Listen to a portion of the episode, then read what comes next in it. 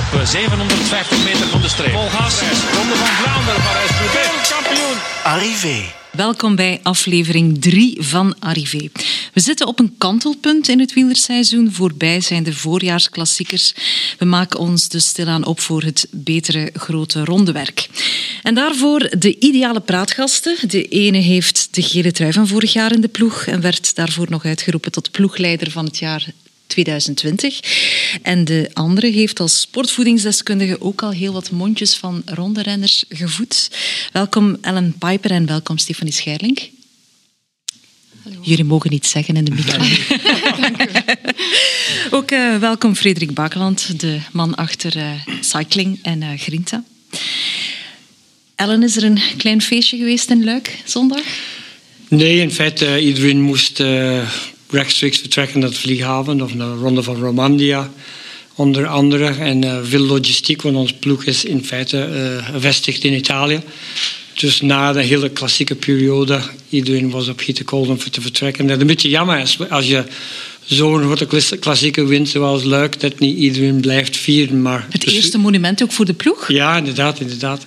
Maar het seizoen blijft verder gaan en uh, tijd is gold. Hè.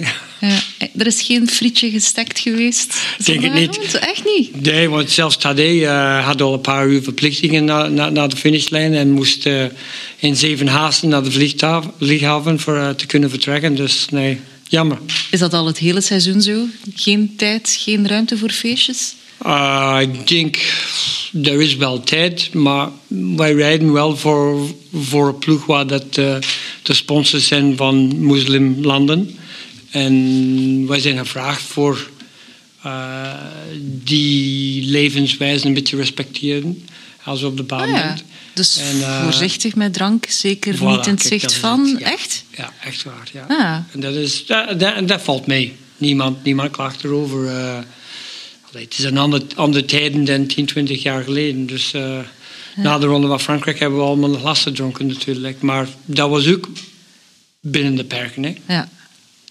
Ik verschiet ervan dat je hier kon zijn vandaag, dat je niet in Romandie zit. Hoe, hoe, hoe komt dat? Hoe wordt er beslist waar je wel naar meegaat en waar naar niet? Meestal in de, in de winter wordt gesproken over wie doet wat. En ik heb de meeste verantwoordelijkheid in het voorjaar voor de, voor de eendagswedstrijden van bijvoorbeeld het Nieuwsblad tot Luik. Uh, dus dat is al heel brok.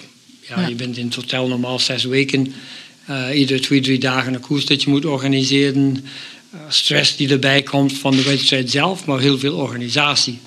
Um, dus dat is, allee, dat is één ding. Dan zijn er andere ploegleiders in de, in de voorbereiding voor, uh, voor de Ardense klassiekers in, in Catalonië of Basque. En dan, ja, er zijn altijd twee of drie programma's die runnen.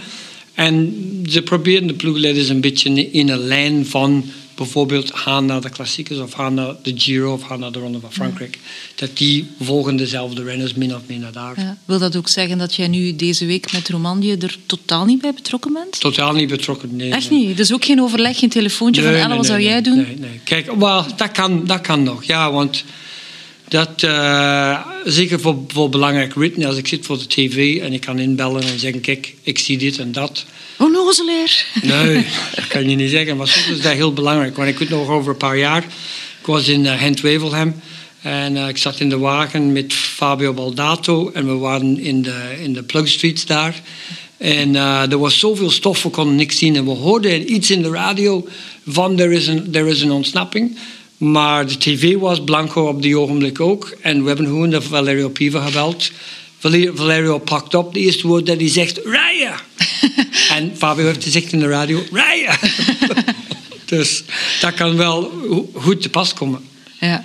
Uh, Stefanie, je hebt wel momenteel een link met de, de Ronde van uh, Romandie, want jij werkt samen met Trek Segafredo. Ja, klopt. Heb je dan elke dag nu overleg? Um, goh, mijn werk is eigenlijk meer de voorbereiding van de renners op een bepaald doel. Um, wat dat bij mij wel is, is dat er... Ja, het stopt eigenlijk nooit. Hè. Dus als uh, de klassiekers nu zo al voorbij zijn, is er een andere groep die klaarstaat om de Ronde van Italië te rijden. Of een beetje later hè, bereidt er zich weer een groep voor op uh, de Ronde van Frankrijk enzovoort. Dus ik zit daar altijd zo'n beetje tussen. Ehm, ik heb denk ik per jaar een dertig of veertigtal koersdagen, dus waarbij dat ik echt meega. Dat Ah, is meestal de opstart van een grote ronde, de stages sowieso, en dan ja, tussenin eh, een keer de opstart van de klassiekers en zo. Maar de rest ja, is eigenlijk vooral de opvolging van, van renners die in voorbereiding zijn op een koers. Dus bijvoorbeeld nu in Romandie zitten er een paar renners die dan ja, in principe in de koers wel weten wat ze moeten doen, eh, maar die ik dan de voorbije weken wat vaker gehoord Maar er is nu een andere diëtiste mee die daar de Nee, eigenlijk bij ons. eh, nee, ik ben eigenlijk alleen.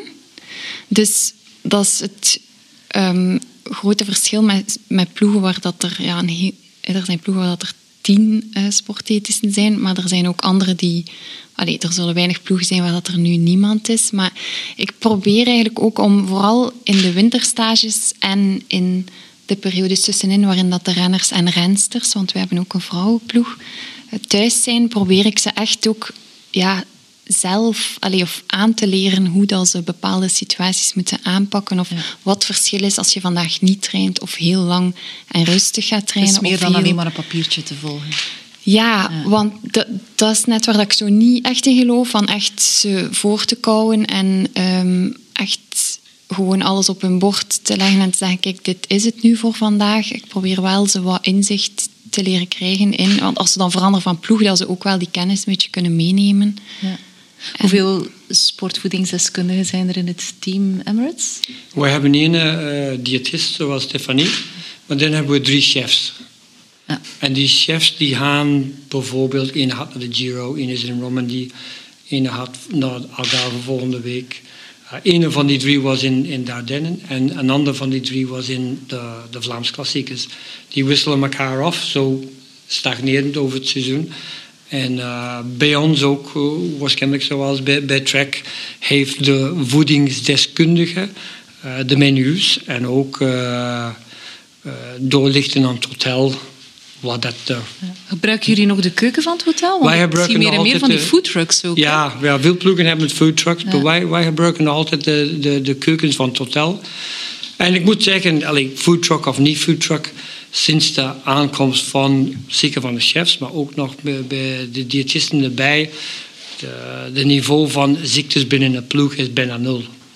Daar worden vroeger heel veel eh, maag- en darmklachten en, en andere problemen, maar sinds eh, de quality control beter is, is, eh, is de ziekte veel minder. En dat is al iets op zich een grote winst. Ja. We gaan het straks zeker nog uitgebreid hebben over eh, sportvoeding. Eh, maar ik wil eerst toch eens vooruit terugblikken naar het voorbije voorjaar. Er is al heel veel over gezegd en geschreven, dus we gaan het ook niet te uitgebreid houden. Ik wil gewoon eens polsen naar jullie meest memorabele moment of tendens van het voorjaar. Elle, misschien? Uh, voor mij de meest memorabele, ik denk, was uh, Strade Bianchi. Alleen zo'n lastig wedstrijd, zoveel klimmende meters en zoveel toppers van zoveel verschillende niveaus. Van, ja, de tourwinnaar was daar, Wat van Aert was daar, uh, Van der Poel was daar, echt toprenners. En ik vond uh, de manier waar dat Van der Poel gewonnen heeft, was ubermachtig. Uh, hoe dat hij, hoe dat hij gekoest heeft en slimme reden heeft, maar hoe dat hij de laatste helling deed naar de finishlijn was indrukwekkend. Ja, voor mij dat, dat zat er altijd. Er waren heel veel mooie momenten in de klassiekers, maar dat was indrukwekkend. Straf dat je geen overwinning van uh, Pogacar uh, naar voren schuift. ja, je moet, je moet, je moet eerlijk zijn hè, wat, wat het indruk ja, maakt. Ja. En voor jou, Stefanie? Ja, ik, ik vond het een super divers voorjaar. En ik vond het heel leuk om te zien dat er heel veel verschillende renners uiteindelijk gewonnen hebben. Terwijl dat er vooraf wel zo wat gedacht werd van het gaan altijd dezelfde zijn. En, en de rest zal moeten sterk in hun schoenen staan om ze te kunnen kloppen. En um, ja, voor mij, dus nu misschien wel um, ja, een, een, persoonlijke keuze, maar voor mij was wel de Milan Sanremo, de overwinning van Jasper Stuyven. Waar je ook voor werkt, hè? Ja, ik werk super um, nauw samen met Jasper. En het was zo ergens ook een, ja, een opluchting, omdat ja, ja, wij zijn als, als coaches algemeen, want we staan met een heel team rond hem. Ehm, je gelooft erin en je ziet dat die goed zit. Maar ja, oké, dan heb je die grote drie op dat moment, die, waar dat er de hele week eigenlijk alleen maar over gepraat werd. Hè. Eh, Mogen we die term van tafel vegen, grote drie, de vuilbak in? Goh, ik denk het niet, hè, want ze zijn, nog altijd, ze zijn daar nog altijd. Maar ik, wat ik wat ik er memorabel aan vond, is niet alleen de manier waarop dat hij dan won en, en het feit dat hij nog won, hè, maar ook de, de krantenartikels de dagen nadien, waar zo alle andere renners, hè, Oliver Naassen, Greg van Avermaat, eh, heel veel renners, die zeiden oh, Jasper heeft ons echt hoop gegeven dat ja, dat, voor ons niemand, niemand geloofde er precies nog in dat iemand anders ging winnen ja, die grote drie. En dat was zo gelijk de overwinning van de hoop. Van, oh ja, wacht even. We kunnen geklopt worden. En ja, ik denk dat iedereen verwachtte van, ja, op de podio nu gaat er hier iets gebeuren, maar dat gebeurde niet. En alleen zo de, timing en, en de manier waarop. En natuurlijk, als je daar dan... Um, allee, als dat iemand is die Voelt dat ook voor jou een beetje als een overwinning? Um, op dat moment, alle eer is voor Jasper en, en het is die, die het doet. Maar ik denk voor iedereen rondom hem dat dat wel zo'n bevestiging is. Want ja, je, bent daar toch altijd naar op zoek. En, en je kunt wel data zien van op training. En um, in mijn gebied dan gaat het heel vaak over gewicht. Hè. En dat is nu niet Jasper per se, maar andere renners die mij dan constant de bevestiging vragen van ja, maar ben ik wel goed genoeg en zou ik niet beter nog wat scherper zijn of ben ik niet te zwaar of ben ik niet te... En dat, allez, zo, zo'n overwinning bevestigt dan eigenlijk vanzelf van nee, nee, je bent perfect ja, ja. hoe dat je bent. Eigenlijk. Goed ingeschat, ja. Uh, Frederik, jouw moment van het voorjaar? Um, ik uh, dacht aan de Amstel Gold Race en de millimeterspurt. um, En vooral het gegeven van wat als Wout van Aert die toch had verloren, dan weet je zeker dat de dag nadien, of dat er meteen alweer twijfels over Wout van Aert, van ja, het is toch niet, heeft het toch niet helemaal, is hij nog fris genoeg, heeft het fouten gemaakt en dergelijke. Maar nu wint hij met 0,0004 seconden verschil. En dat verschil maakt dat het nu toch wel heel lovend is. Waarmee ik wil zeggen, ik ben eigenlijk vrij kritisch ten opzichte van het feit, wat als dat fractietje toch in zijn nadeel was geweest, dat er toch een heel andere teneur weer was geweest voor Wout van Aert. Het had niet gehoeven, hè, want hij heeft, mm heeft een fenomenaal voorjaar. Maar toch, er zou een teneur geweest zijn in de pers, bij de commentatoren, daar op tv sowieso. Dat, dat, dat zou zeker geventileerd geweest zijn. Van, mm, mm, het is toch niet en die fractie, dat vind ik... Commentaar is subjectief, hè? Het is subjectief, maar goed, die mensen hebben een grote verantwoordelijkheid. Ze doen dat ook zeer goed. En Michel Wuits en, en de Koud gaan niet over, specifiek over bepaalde personen, zeker niet. Die doen dat fantastisch goed. Maar het wordt al snel, ze hebben een grote verantwoordelijkheid. Als ze een uitspraak doen, wordt opgepikt door de mensen. Het zijn een miljoen mensen die daar naar luisteren en naar kijken. En dat gaat toch wel zijn eigen leven leiden. Dus of dat Wout van Aert nu die gewonnen had of verloren had... Allez, dat maakt toch zijn, zijn voorjaar niet. En toch zou in de kranten, of zou er achteraf toch wel zouden er vragen gesteld geweest zijn over... Mm. Het is toch niet, gelukt voor Van Aert. Brabantse pijl, Amstel Gold is ook voor, toch een paar fouten gemaakt in het voorjaar. En dat vind ik zo jammer, ergens. Mhm, ik snap het. Ehm, mijn gevoel voor het voorjaar, en dat is iets totaal anders...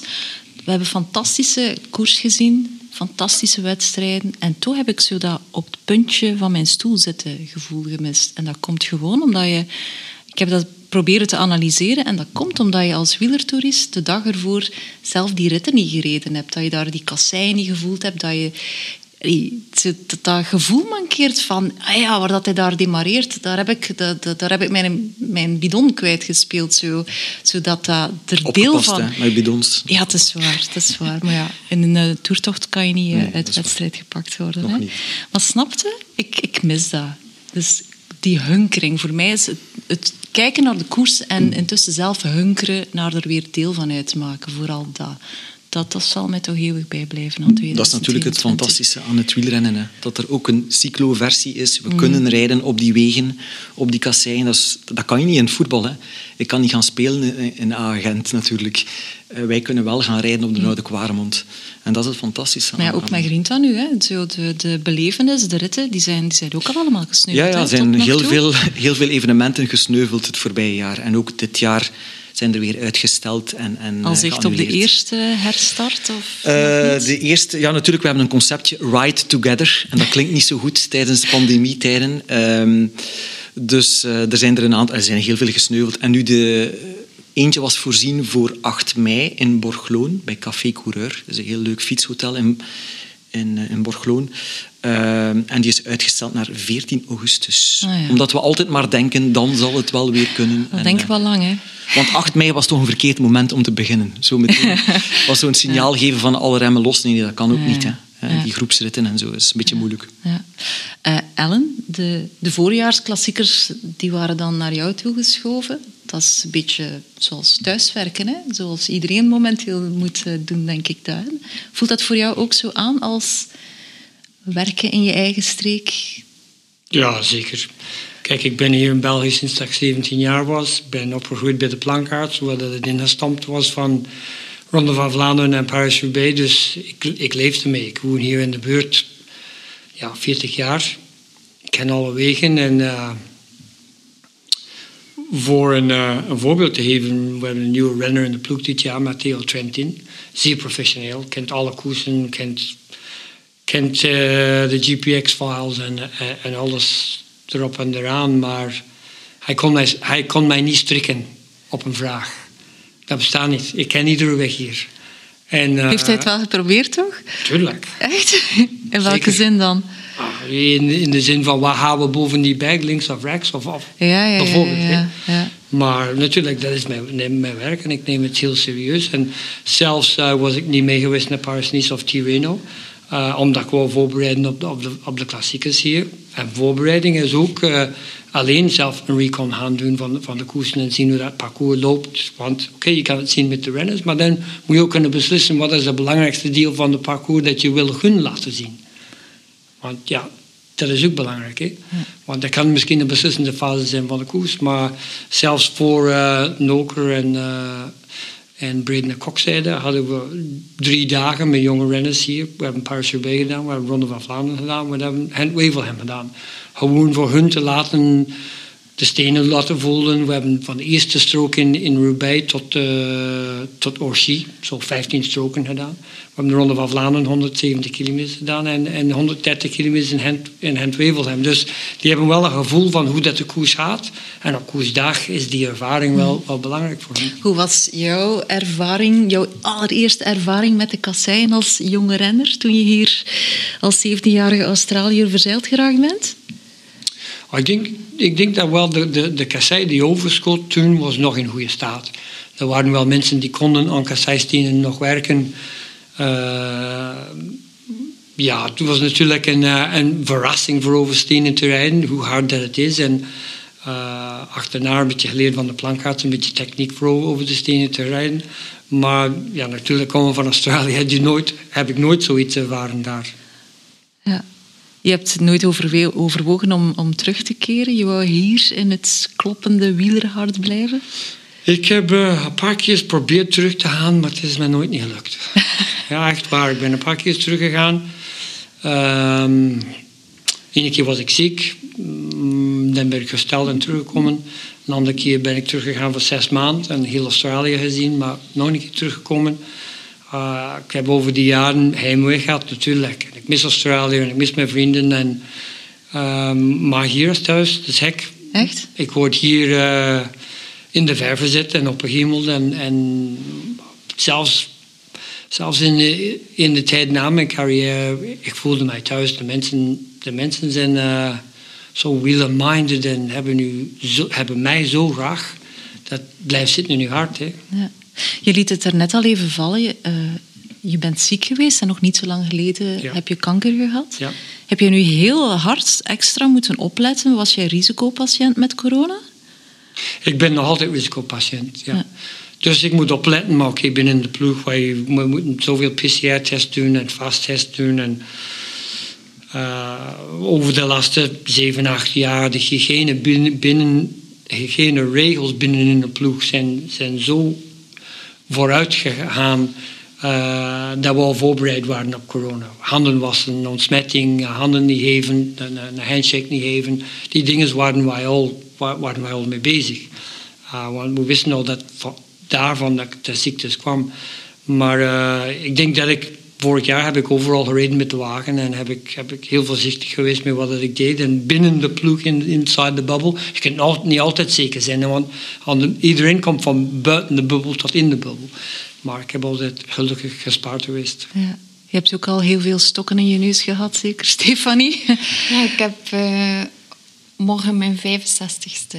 Je houdt het al bij? Ja, ik, houd het, ik ben ergens uh, na een aantal beginnen tellen, omdat ik dacht dat dat wel niet zo lang ging duren. Maar ik, ik werk ook in het voetbal. En daar hebben we echt elke week uh, een test voor de Pro League. En dan komt daar de, de, de tests van het voetbal tellen dan niet voor de koers.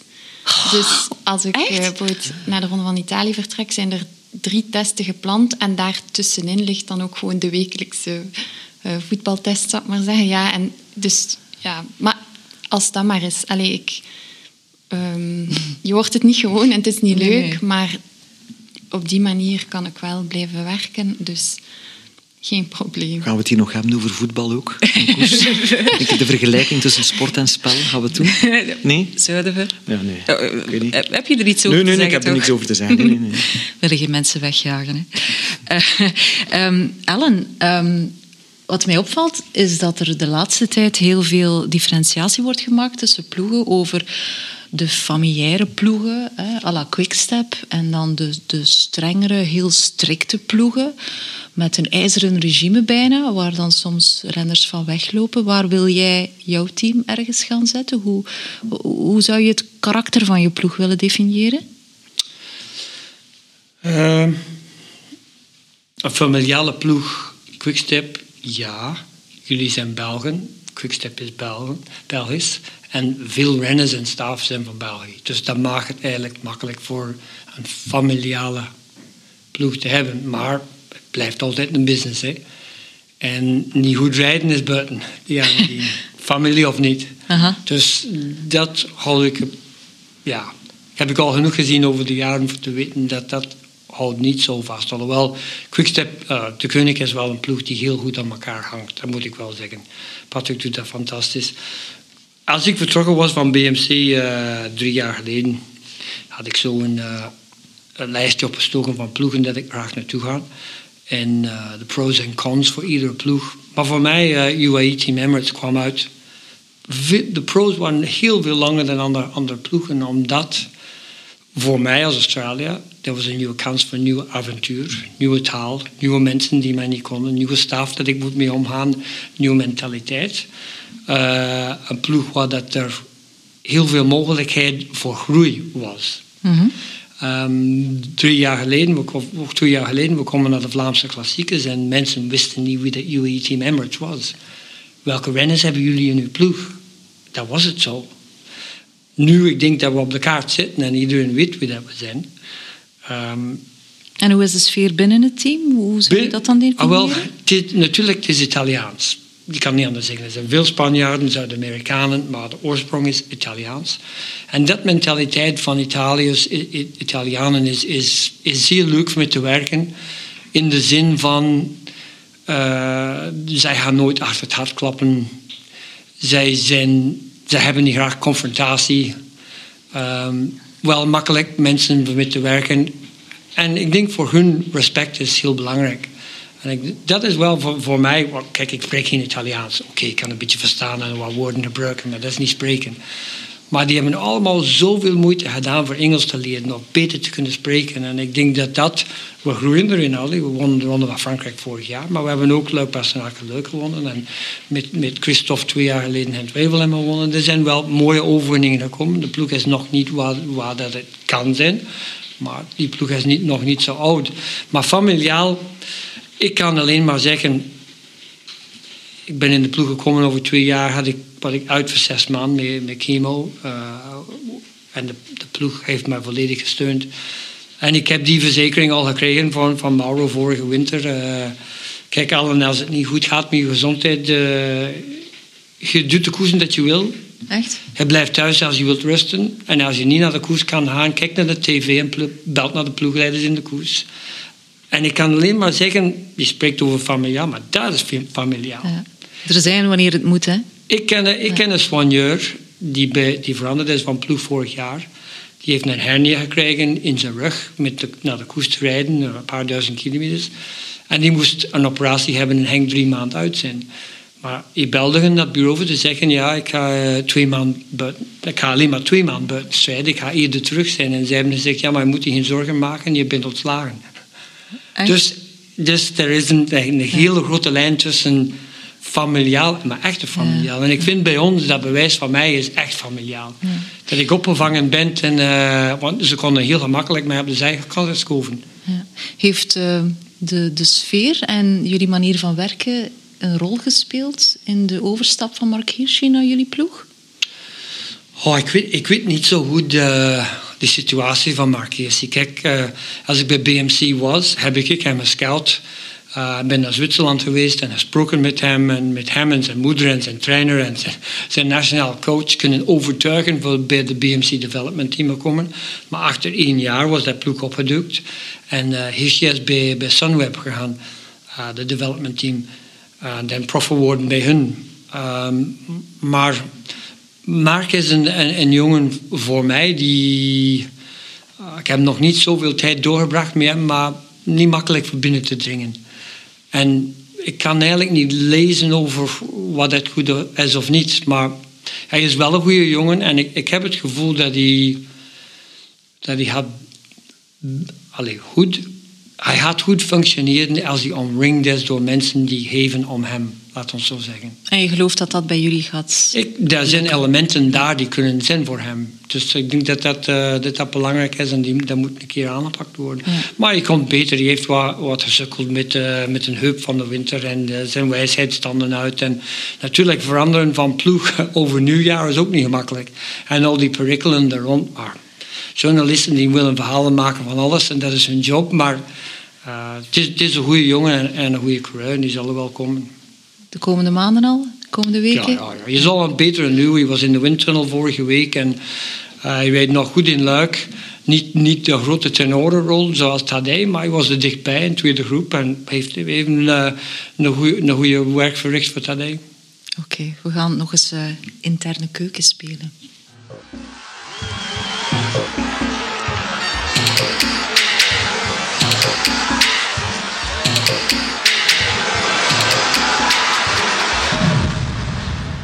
Want ook op vlak van voeding zou je ploegen kunnen indelen in harde aanpak, softe aanpak. Ploegen die echt het aantal gram koolhydraten per renner verschillend laten afwegen. Sommige ploegen is nog iets meer speelruimte. Hoe zie jij het? Wat, wat is op lange termijn de beste aanpak, Stefanie? Goh, ik denk dat we bij ons in de ploeg daar Allee, of daar, dat hoop ik, dat we daar zo'n beetje een gulden middenweg in zoeken en vinden, eigenlijk laten we de renners daar wel vrij in. Dus bij ons is het niet standaard um, één manier. Eigenlijk proberen we ze in de wintermaanden echt zo wat ja, op te leiden of zelf te leren van oké, wat is nu het belangrijkste op die soort dagen en die soort dagen. Maar stel je komt in de koers en je zegt van kijk, ik ben een renner en ik zou graag voor elke dag, elke maaltijd berekend willen zien. We werken ook met twee chefs die ook goed weten ondertussen wat er wanneer best is, maar dan voor de berekeningen zit ik er eigenlijk tussen. En dat kan. Dus je kan als renner ervoor kiezen van nee, we werken in een buffetvorm. We hebben ook geen foodtruck, we werken ook in de keukens van de hotels. Ehm, dat is een beetje een keuze van de chefs eigenlijk zelf, omdat die ook zeggen van ja, zo komen wij ook op verschillende plaatsen. Wij leren ook van de chefs waar dat wij in de keuken bij mogen werken. Die helpen ons ook. Um, ook uh, ja, de, de opkuis en de afwas is anders ook wel voor je eigen chef. Terwijl nu wordt wel echt daar ondersteund. Uh, plus het is ook heel eenzaam als je met je foodtruck van plaats naar plaats moet rijden, wat dan niet het geval is als je met meerdere personen bent, maar één chef alleen is natuurlijk wel zo. Maar ik, ik ben nu vergeten welke ploeg dat was, maar ik las dat het bij sommige ploegen zover gaat dat als renners tijdens een ronde bijvoorbeeld nog honger hebben, dat ze niet zomaar mogen bijscheppen, dat daar eerst overleg voor moet zijn of het wel wat kan. Om zal, daar nog... Het zal wel DSM zijn, zeker? Wel, ik, of, Jumbo. durf het niet met zekerheid te zeggen. Ja. dus alles is niet bij onze ploeg, omdat...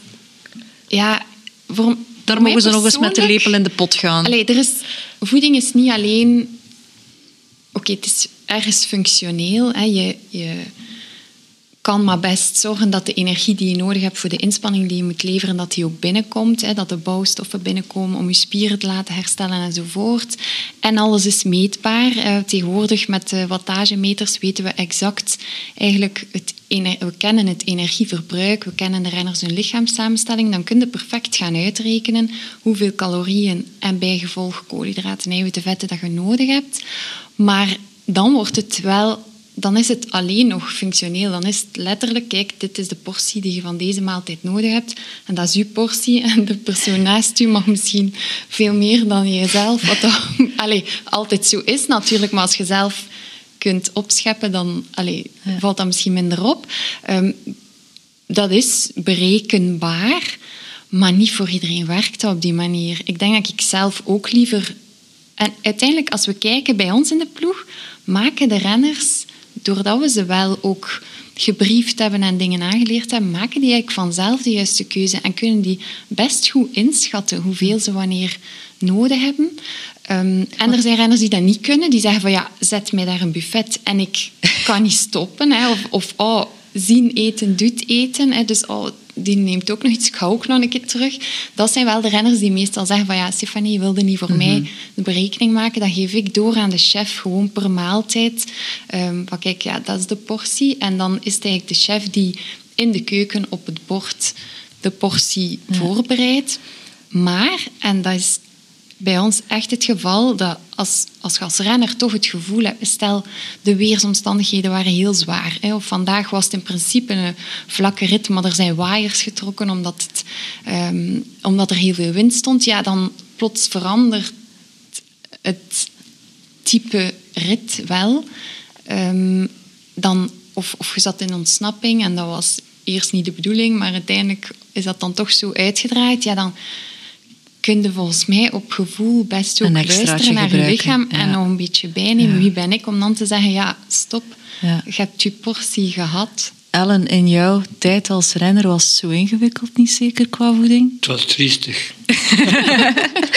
en ik meen dat, ik meen dat eerlijk.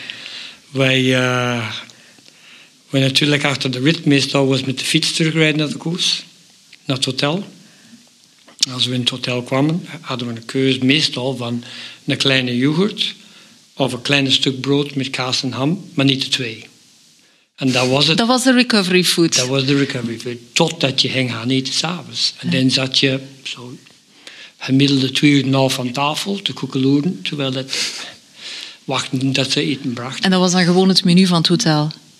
Ja, menu van het hotel, ja, inderdaad. En wat kwam er dan op? Was, er was pasta, maar ah, Italië, Italië was altijd beter, want ja, die keuken is voor wielrenners natuurlijk beter. Maar nogmaals, in de Ronde van Vlaanderen had ik 29 eh, extra service points opgesteld. Behalve, uh, behalve de, uh, buiten de, de, de officieel bevoorradingszones, twee officieel bevoorradingszones. Dus 29 service points waar dat ze bidons hebben en, en en een gel eraan met, met, met, een, met een racker. Ik heb, ik heb Milan Sanremo gereden in de ontsnapping en gedemareerd voor de suppressor en weg met Mechler. Uh, die heeft mij gedropt op de podio en die won nog de koers. Ik heb twee keer de bewaring gehad, geen enkel keer de wagen gezien tijdens de koers. Geen enkel extra feeding, dus je mocht rekenen, ik had zes bidons voor 300 kilometer. Oh. En een dag in de ontsnapping. En natuurlijk, op het einde van de koers krijg je een ram van honger. Maar in de tijd waren er geen gels. En natuurlijk, ik had, ik had wel in mijn tijd een beetje een, een handicap in de zin van dat ik vegetariër was. En daar was totaal geen rekening houden met mij. Nu zou je wel goed door kunnen als vegetariër met verschillende vormen van eiwitten, denk ik. dus je kreeg geen, geen vervangingseiwitten? Nee. Ik moest geen vlees hebben, dus ik had niks in de plaats. Ja. Dus uh, er was niemand die hield rekening met mij. En dat was vaak voor mij zo skatten voor eten te krijgen. Um, en gewoon ook binnen te krijgen. Dus ik zie wel wat de jongens nu hebben. En allee, dus, dus, ze moeten dat hebben voor, voor die prestaties te leveren. En het is wel fantastisch wat ze hebben. Maar ik ben eens met Stefanie wat, wat het ze zeggen. Die, die mentale welzijn van een renner is belangrijk. En misschien op de eerste plaats. En dus hem die moet beslissen... Heeft hij hulp nodig met die, met die grammen, met zijn gewicht? Uh, en niet, dan is die vrij. En als er een goede opleiding is voor wat dat ze zouden moeten kunnen eten, dan uh, kunnen ze goede beslissingen maken. Hmm. Want nogmaals, dat mentaal welzijn van een, van een renner. Ik heb ook renners zien de andere kant gaan, waar dat ze niet meer eten. En dat is afbraak van hun lichaam en heel hun endocrine systeem die in feite nooit meer gesteld. Maar renners à la Rasmussen, die gaan er wel wat uit, hè? Heb ik het gevoel de van, de, van de, de echte magerzucht bijna anorexia? Of bestaat het toch nog altijd? Het bestaat zeker nog. En allee, ik moet heel vaak renners af. Daarom dat ik ook niet zo pro het systeem ben van... Allee, wat ik, waar dat ik zeker niet mee wil zeggen dat dat niet, niet kan werken. Maar ik denk niet voor iedereen. En constant de focus leggen op gewicht en vetpercentage en calorieën en alles berekenen, maakt ook wel dat als jij een perfectionist bent en op cijfertjes gefixeerd bent, dat ja, daar toch wel altijd een risico is op eetstoornissen. En ik, allez, ik zie soms wel in, in andere ploegen, of soms zie je ook wel dingen, of gehoord ook van, ja, het is moeilijk om, om dat uit te leggen, maar, maar soms zie je het op afstand wel misgaan. Het is niet meer gezond. En, en ik denk bij ons in de ploeg, we hebben ook een vrouwenploeg, waar dat, dat denk ik nog, nog meer leeft. En wat ik heel tof vind, is bij ons dat er... We hebben dat dit jaar ook terug nieuwe rensters die dan komen en en die hebben bijna precies schrik van mij.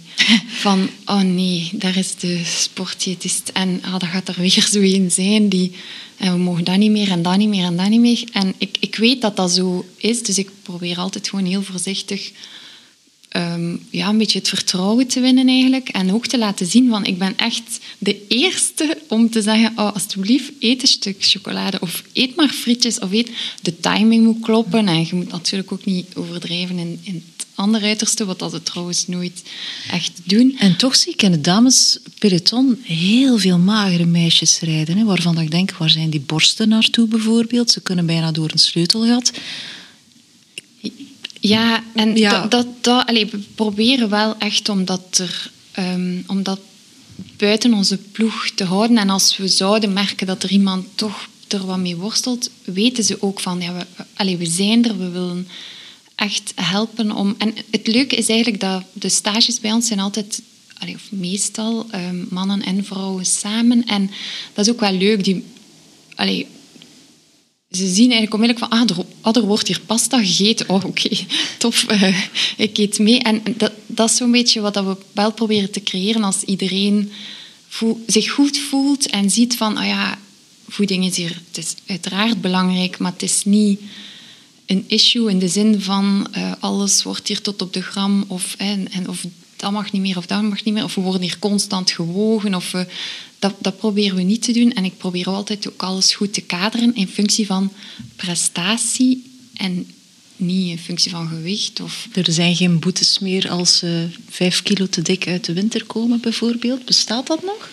Nee, en als je vijf kilo te dik bent, ben je al afgereden en ben je uit de volgende selecties. en, en waarschijnlijk uh, een, een, rode kruis naast uw naam voor volgend jaar al.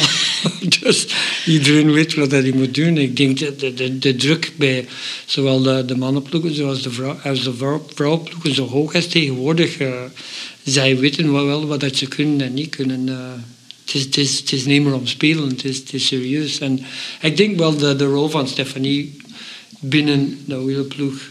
En dat geldt voor alle wielerploegen. Het is heel belangrijk om, omdat die eh, education van, van de sporters, mm. dat zij met de chefs van de ploeg krijgen voor goede, uh, volwaardig eten voorgeschoteld, die in de juiste maten en, uh, voorbereid zijn en geprepareerd zijn. Dat ze leren de goede dingen eten en ze mogen wel veel eten als het van de goede is. Ja. En ik denk dat dat belangrijk is. Ja, ik, over veel eten gesproken, dat is nu zeker uh, uit de biechtklappen dat ik doe, maar ik, ik heb bijvoorbeeld een vriendin die al heel lang probeert te vermageren. Ze is veranderd van sportdiëtist. Het eerste wat hij zegt tegen haar is, meisje, meer eten, hè. Ja. Ja, Ook dat is... dat is een misverstand, toch? Ja, dat, dat heel veel hobbysporters hebben van minder is beter. Ja, en minder is zeker niet altijd beter. Op vlak van eten, op vlak van gewicht en vetpercentage. Er zijn altijd er is altijd een ondergrens, maar op vlak van, van dat eten, in haar geval zal dat zijn dat ze ja, op de duur denken, ja, ik ga nog minder en nog minder, hè, want mijn gewicht moet naar beneden. Maar er is altijd een minimum dat je moet halen om gewoon ja, wij zitten hier nu neer. Stel dat we hier 24 uur zouden blijven zitten. Ons hart moet blijven pompen, onze hersenen moeten blijven werken, ons lichaam moet op temperatuur blijven. En dat kost eigenlijk al best veel energie.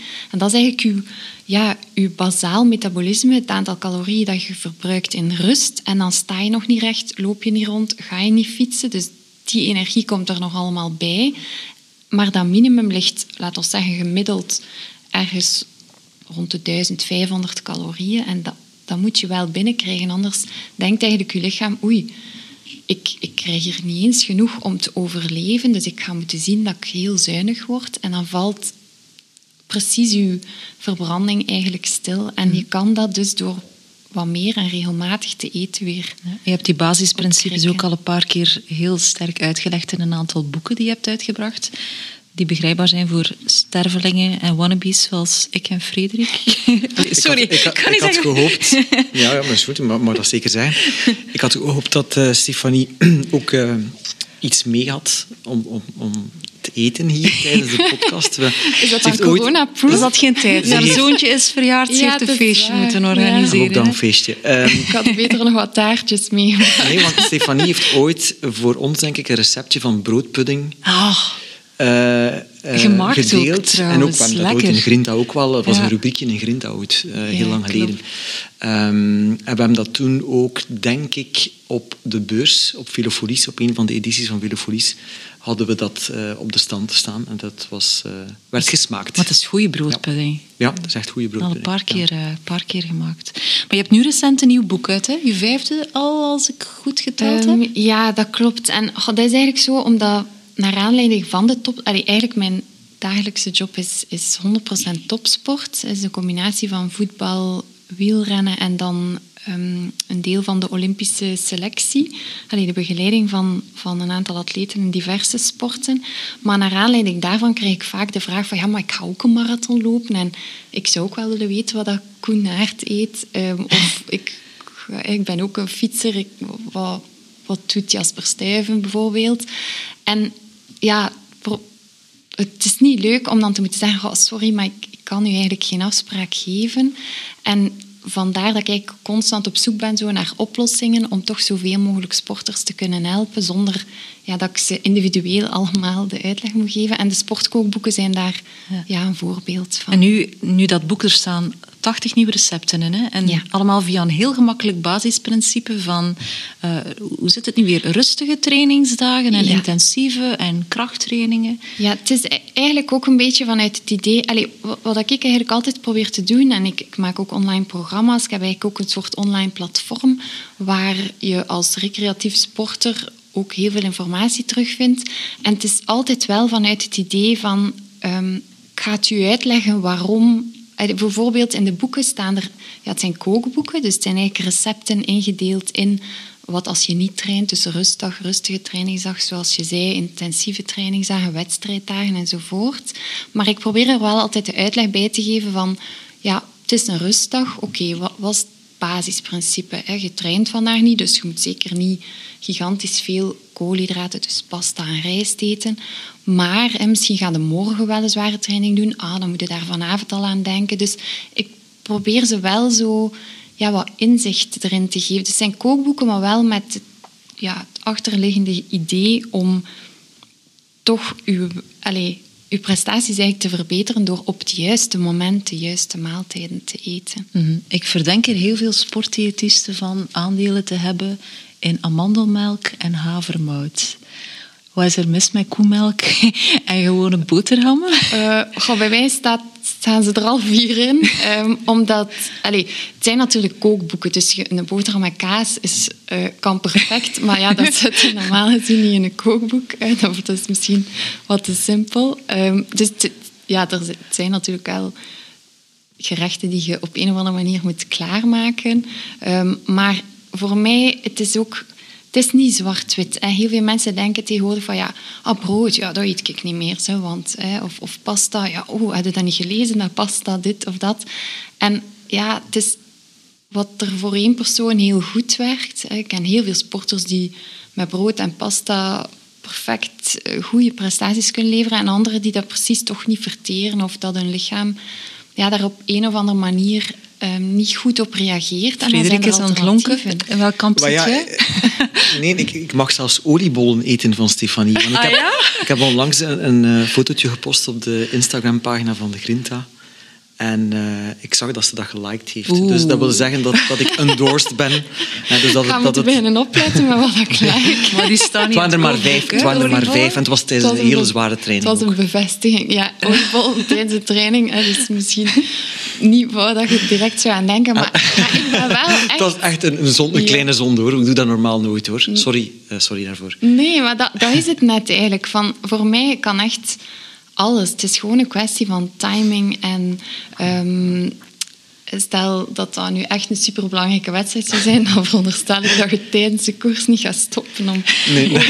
te kopen. Maar onderschat er zijn redelijk, zijn redelijk weinig wedstrijden op dit moment, ja. dus kan me dat wel Maar voilà. Maar, maar Ellen kijkt ook wel bedenkelijk als hij oliebol hoort. Dus uh, ja... Ik ga toch maar even... Oh ja, het is wel typisch Vlaams. Je hebt toch al ooit oliebollen gegeten, hoop ik? Ik heb oliebollen ah. gegeten, maar dat is niet mijn favoriet. Nee. Maar ik wou iets zeggen eigenlijk over, over boterhammen. Want uh, ik heb die verhaal nog, nog verteld vorige week. Ik was toen in de tijd, in de jaren 80, bij de ploeg van Panasonic. En ik sliep bij die plankaart op de kamer.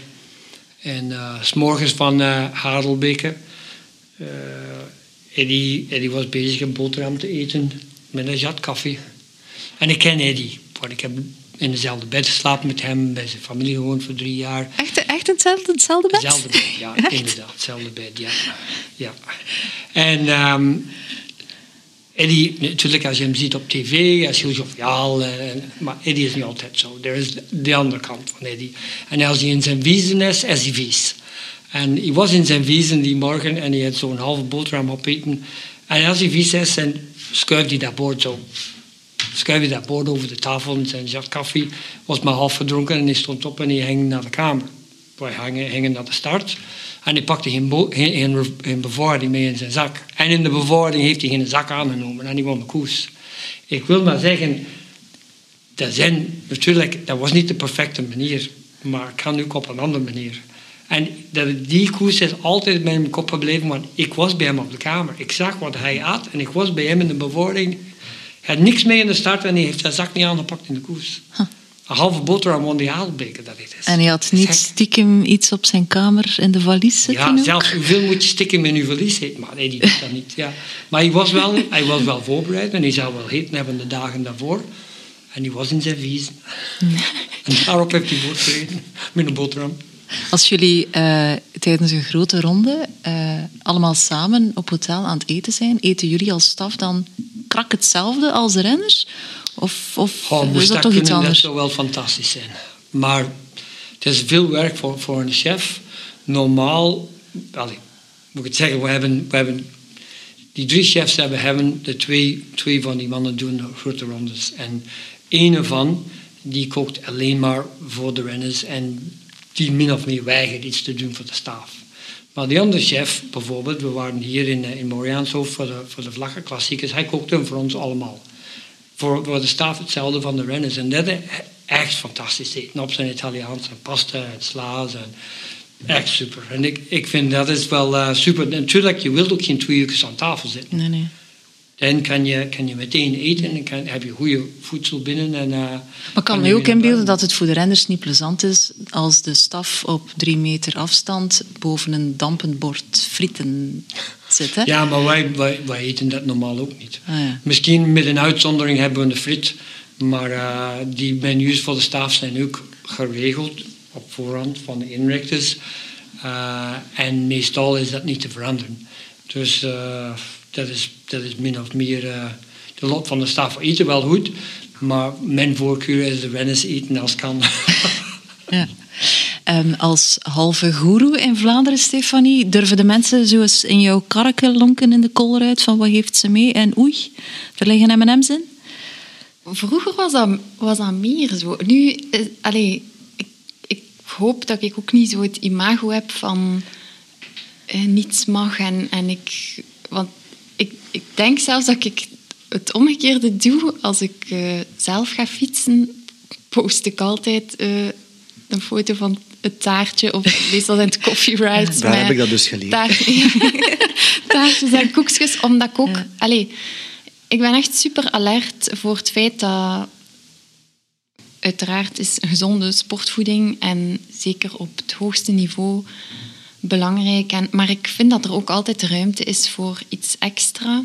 Maar je zei En- voor we aan dit gesprek begonnen dat, dat je op trouwfeesten bijvoorbeeld wel eens Ja, dat is, dat is wel wordt, zo. hè? Over, maar ik denk dat dat voor mijn collega diëtisten in het algemeen en sportdiëtisten zeker ook wel het geval is. Dat, ja, dat, dat zal in andere beroepen ook wel zijn dat er bepaalde dingen zijn waar dat dan mensen meer op letten. In mijn geval, ja, voeding. Iedereen moet eten en drinken. En wat komen ze dan zeggen En- bijvoorbeeld? Och, ja, dat is...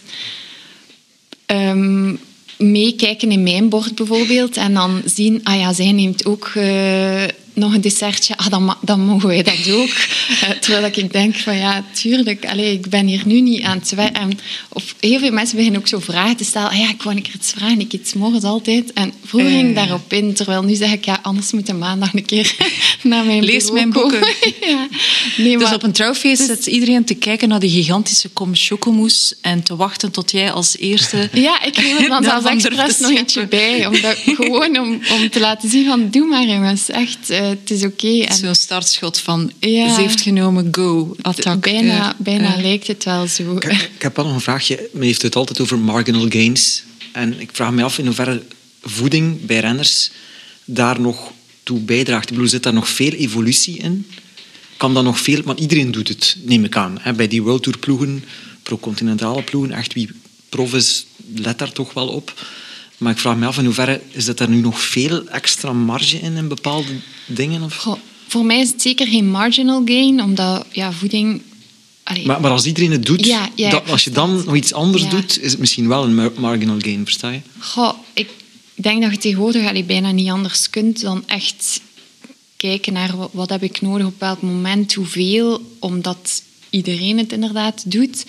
En van daaruit ja, is het dan de combinatie van en uw training en voeding, maar ook uw talent en ja, die dan de puzzel legt. En wat dat wel is, is dat we constant natuurlijk mee evolueren. Er zijn nu ook testen waarbij dat je kunt zien hoe goed dan een renner ehm, is in koolhydraatverbranding of vetverbranding. En dan kun je eigenlijk die trainingen een beetje gaan manipuleren door je voeding wat da- daarop af te stemmen. Hè. Dus, maar dat is echt... Dus er is wel meer monitoring mogelijk. ja, en meer technieken om dingen meer te zien. technieken om Ja. te zien hoe dat je... hè, ehm, allerlei testen ook om te zien hoe dat je op bepaalde voeding reageert. Dus ik denk dat daar eerder in de technologie ook meer eh, de evolutie zal zitten. In supplementen zijn er ja, heel veel supplementen die, die we al heel lang kennen eigenlijk, maar die op een andere manier worden gebruikt. En dus het, is wel constant zoeken naar wat kunnen we nog meer doen, maar de,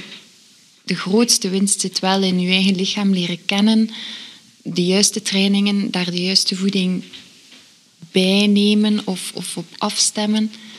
En eh Allen, dat wil ik vragen, eh, Pogacar bijvoorbeeld, is dat dan een zeer erg freak met zijn voeding bezig ook? Of is die... Die is geen freak bezig met zijn eten, nee. Hij, eh, hij let wel op wat dat hij doet, dat, eh, daar ben ik zeker van. Maar nee, hij is geen, geen freak. Ik heb hem opgehaald vorig jaar in juli van naar de Planche de Belleville te rijden. Ik heb hem opgehaald in, in Charles de Gaulle. Er waren heel veel kleine baantjes naar daar te rijden. En we hebben 's middags gestopt in een Hotel de France. We hebben elk een menu van 14 euro gegeten en ik, ik vond het fantastisch. Tijdens de Tour de. France. dus eh, hij, is wel, hij is wel gefocust op zijn eten, maar niet maniacaal. Ik denk dat hij zijn, zijn, oké, hij heeft wel een, fenomenale motor, een fenomenale eh, recuperatievermogen, maar de andere kant van zijn, van zijn grote aanwinst is zijn mentale. En hij is altijd positief en, eh, en, en dankbaar voor alles. En ik denk dat dat mindset ook heel veel helpt. Niet alleen focust op eten. Ja, absoluut. Klinkt hier intussen alsof er iemand zijn maag serieus aan het rammelen is, het zijn de waterleidingen van het Centrum Ronde van Vlaanderen. Duidelijkheid. Maar ik moet wel toegeven, mijn maag rammelt wel. Toch? Dus, Ah, ja. dus dat ik me iets dieper Toch zet. beter een taart. Ik dacht er weg van de micro. Je had gehoopt op die broodpudding natuurlijk. Ja, van, eh, natuurlijk. Ja, ik had er echt op gerekend. Maar goed, ik ben van ontgoocheld. Stefanie. Eh, over uh, Pogacar gesproken, wat voor, wat voor iemand is dat eigenlijk? Want op zich heb ik daar nog altijd niet zoveel zicht op. Van, van een Alaphilippe weten we dat dat een, een nerveus, energiek persoon is, maar heel gul naar zijn ploegmaats toe bijvoorbeeld. Ja. Wat voor iemand is hij? Maandagmorgen heeft hij, eh na Luik Bastenaak en Leuven, heeft hij de ploeg in een WhatsApp-groep heeft hij een boodschap gestuurd in, in grote letters. I love you all. Oh, Dus dat zegt al iets over die jongen. De dag nadien eh, was mijn verjaardag. En hij heeft mij 's morgens een berichtje gestuurd, persoonlijk. Gelukkig verjaardag, bla bla bla. Dat ook zegt wie dat hij is. Maar die jongen Tadej dat ik leren kennen heb over twee jaar. De eerste koers dat ik deed met hem was in de Cadel Evans Road Race in Australië. Ah, Oké, ik wist dat hij de, de, de, de Tour de l'Avenir heeft gewonnen en een goede coureur was, maar het was een, een andere coureur voor mij. S morgens, eh, voordat we naar huis gingen komen, een dag na de, na de Cadel Evans race, ik dacht, ik ga naar het strand. Ik heb twee of drie uur, ik kan op het strand liggen. Eh, mijn valiezen zijn gepakt, alles is gedaan. De renners kunnen toch niet fietsen, hun fiets, fietsen zijn in de laden. Zeven uur s morgens krijg ik een telefoontje van Tadej. Ja, Alan, ik vind mijn paspoort niet. En het was Australia Day. Dus eh, alles was gesloten. Maar oké, veel bellen en eh, consulaat en ambassade. En ik hij heeft meegereisd met ons van Geelong naar Melbourne. We hebben hem in een hotel gestoken en eh, de dag nadien met papieren is hij teruggevlogen naar Europa. Maar wat het mij opviel is, er was geen enkel moment van paniek. rustig. Oké, rustig, dit is Ja. iets anders. Hij wist dat hij niet naar huis kon en hij had geen paspoort, maar hij was niet aan het panikeren. En ik denk dat is eh, een sterke punt van Tadej. Maar wat, wat ik zei er straks over zijn, mentale stand, altijd gelukkig, altijd dankbaar. Een smile van 's morgens tot 's avonds en nooit niet kritisch. Ik denk die, die, dat positieve eh, tendens in hem ma- maakt ook een, een, een groot verschil in zijn, eh, in zijn capaciteit als renner voor, voor, voor dingen aan te kunnen. Want het zal niet altijd gaan zoals hij wil. Het zal een keer tegenslagen. Hè. Er, zal, er dingen gebeuren. En nu heeft hij heel veel verantwoordelijkheid binnen de ploeg, want hij heeft een hele grote loon. Hij heeft de Ronde Frankrijk gewonnen. Veel ligt op zijn schouders. En toch, maar ik denk dat die positieve kwaliteiten zullen hem helpen. Ehm, juist voor daar te eindigen. Ene ding dat ik wil zeggen, ik ben al, al bijna twee decennia ploegleider en ik heb veel topcoureurs gezien.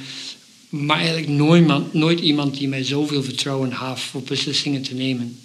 Bijvoorbeeld in de Ronde van Frankrijk vorig jaar, daar waren bergritten waar dat de renners in de bus zeiden welke versnellingen dat ze gingen rijden voor de dag nadien. En Tadej zegt tegen mij, ja, doe erop wat jij denkt best is. en over zijn versnellingen voor, voor een tijd dat Planche de Belleville, hij wist zelfs niet wat dat... Eh, Zeg, klopt het dat hij geen wattagemeter had, geen, geen fietscomputer tijdens die de, op de, tijdrit? op de klimfiets, ja. Ja, dat, had hij dat klopt. Ja, ja. Gewoon Maar, op gevoel. We hadden op het trein op die berg hij had een simulatie gedaan in, in juli op de berg. Het belangrijkste was, was, was de, de vlak op de tijdritfiets. Voor daar stand te houden met, met, uh, met Roglic en Dumoulin onder andere. Maar uh, eens op de tijdritfiets, op de, op de wegfiets, dan gaat het om de gewicht van de fiets.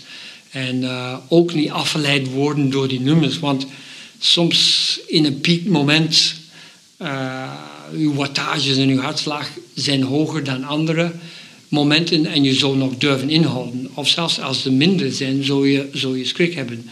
En uh, dat was niet de bedoeling. Ik wist hoe snel dat hij moest rijden. Zijn, zijn versnellingen waren, waren uit de dokter. Die had, op, op, met versnellingen van een junior erop gereden. Um, dat die kroontjes in het midden van de pioen allemaal heel nauw bij elkaar waren. Dat ik kon veranderen, maar... Dat er geen bruske tussen, Ja, weinig cadencverandering, ja. dus weinig pijlverandering of hartslagverandering. Ja. En, uh, want de, de, de helling is niet... Uh, uh, de gradient is niet altijd dezelfde. Het verandert heel veel op de berg. En daarmee, uh, hij was voorbereid en hij moest dat, dat hartslag of wattagemeter niet hebben. Was jouw hartslag die dag van Planche de Buffet even hoog als die van hem?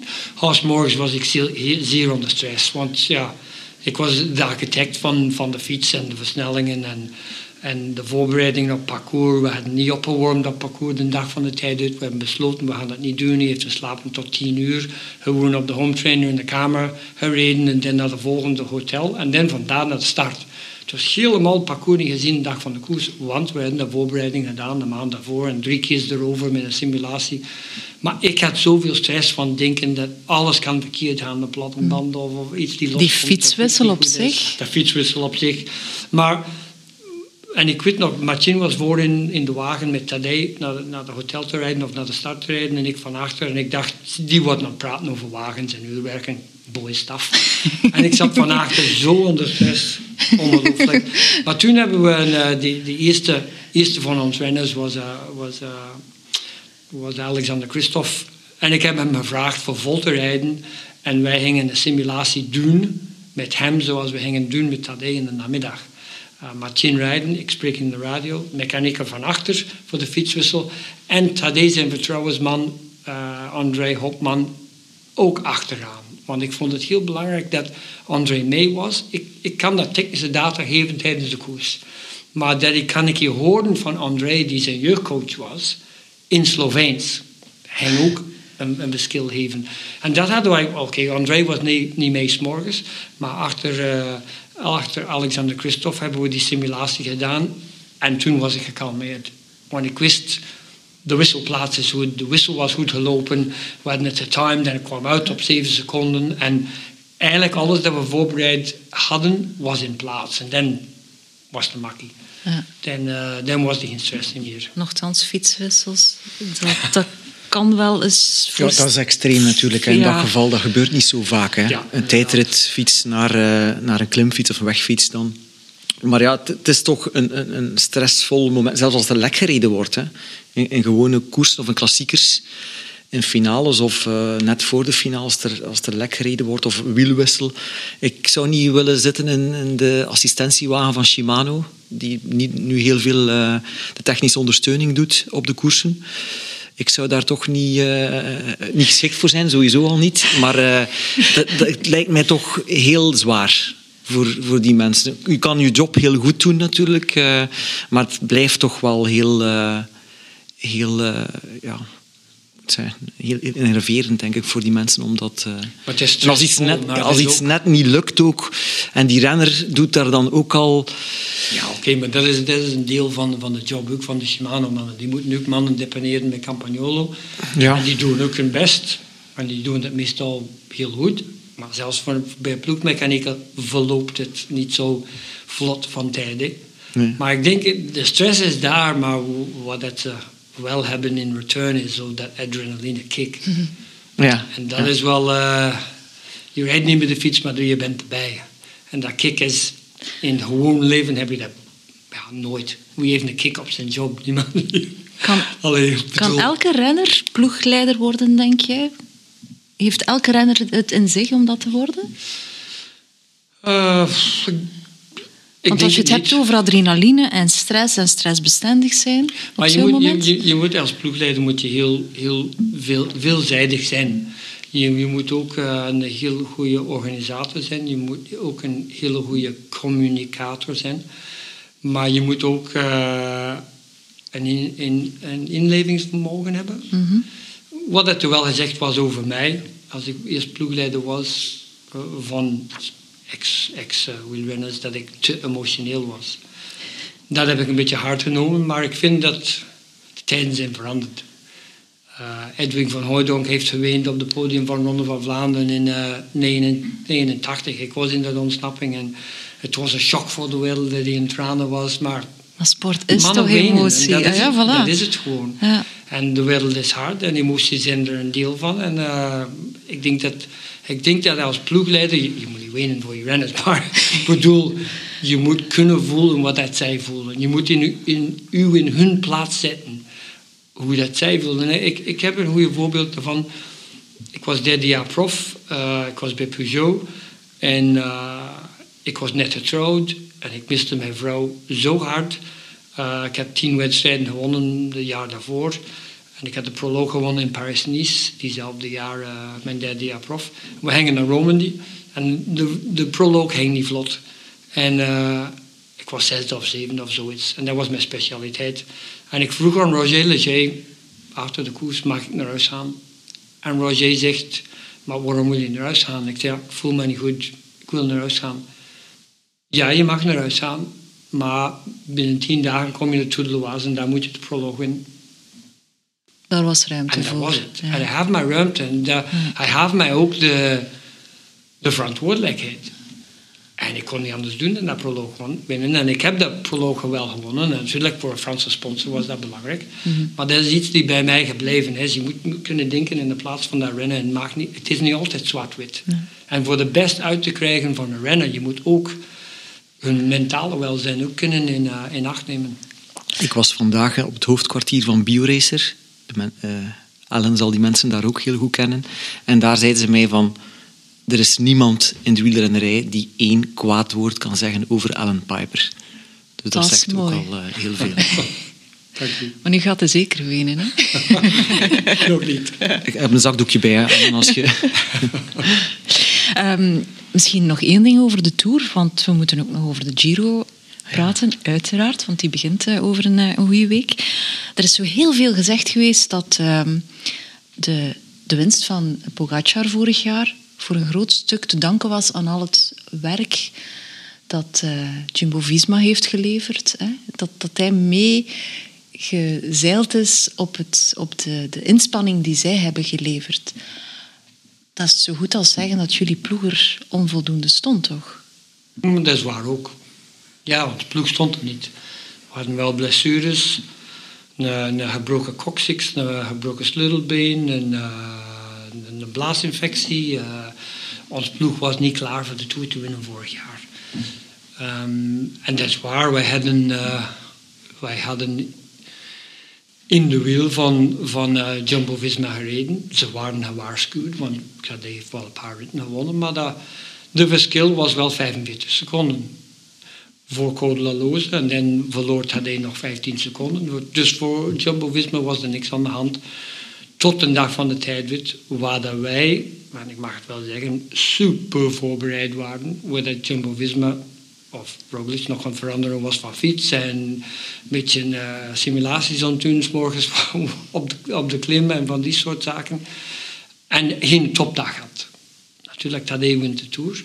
Maar wat, het mij, wat ik heel jammer vond van heel die commentaar erachter was dat wierp een, een, een schaduw op de overwinning van Tadej met opmerkingen van sommige renners.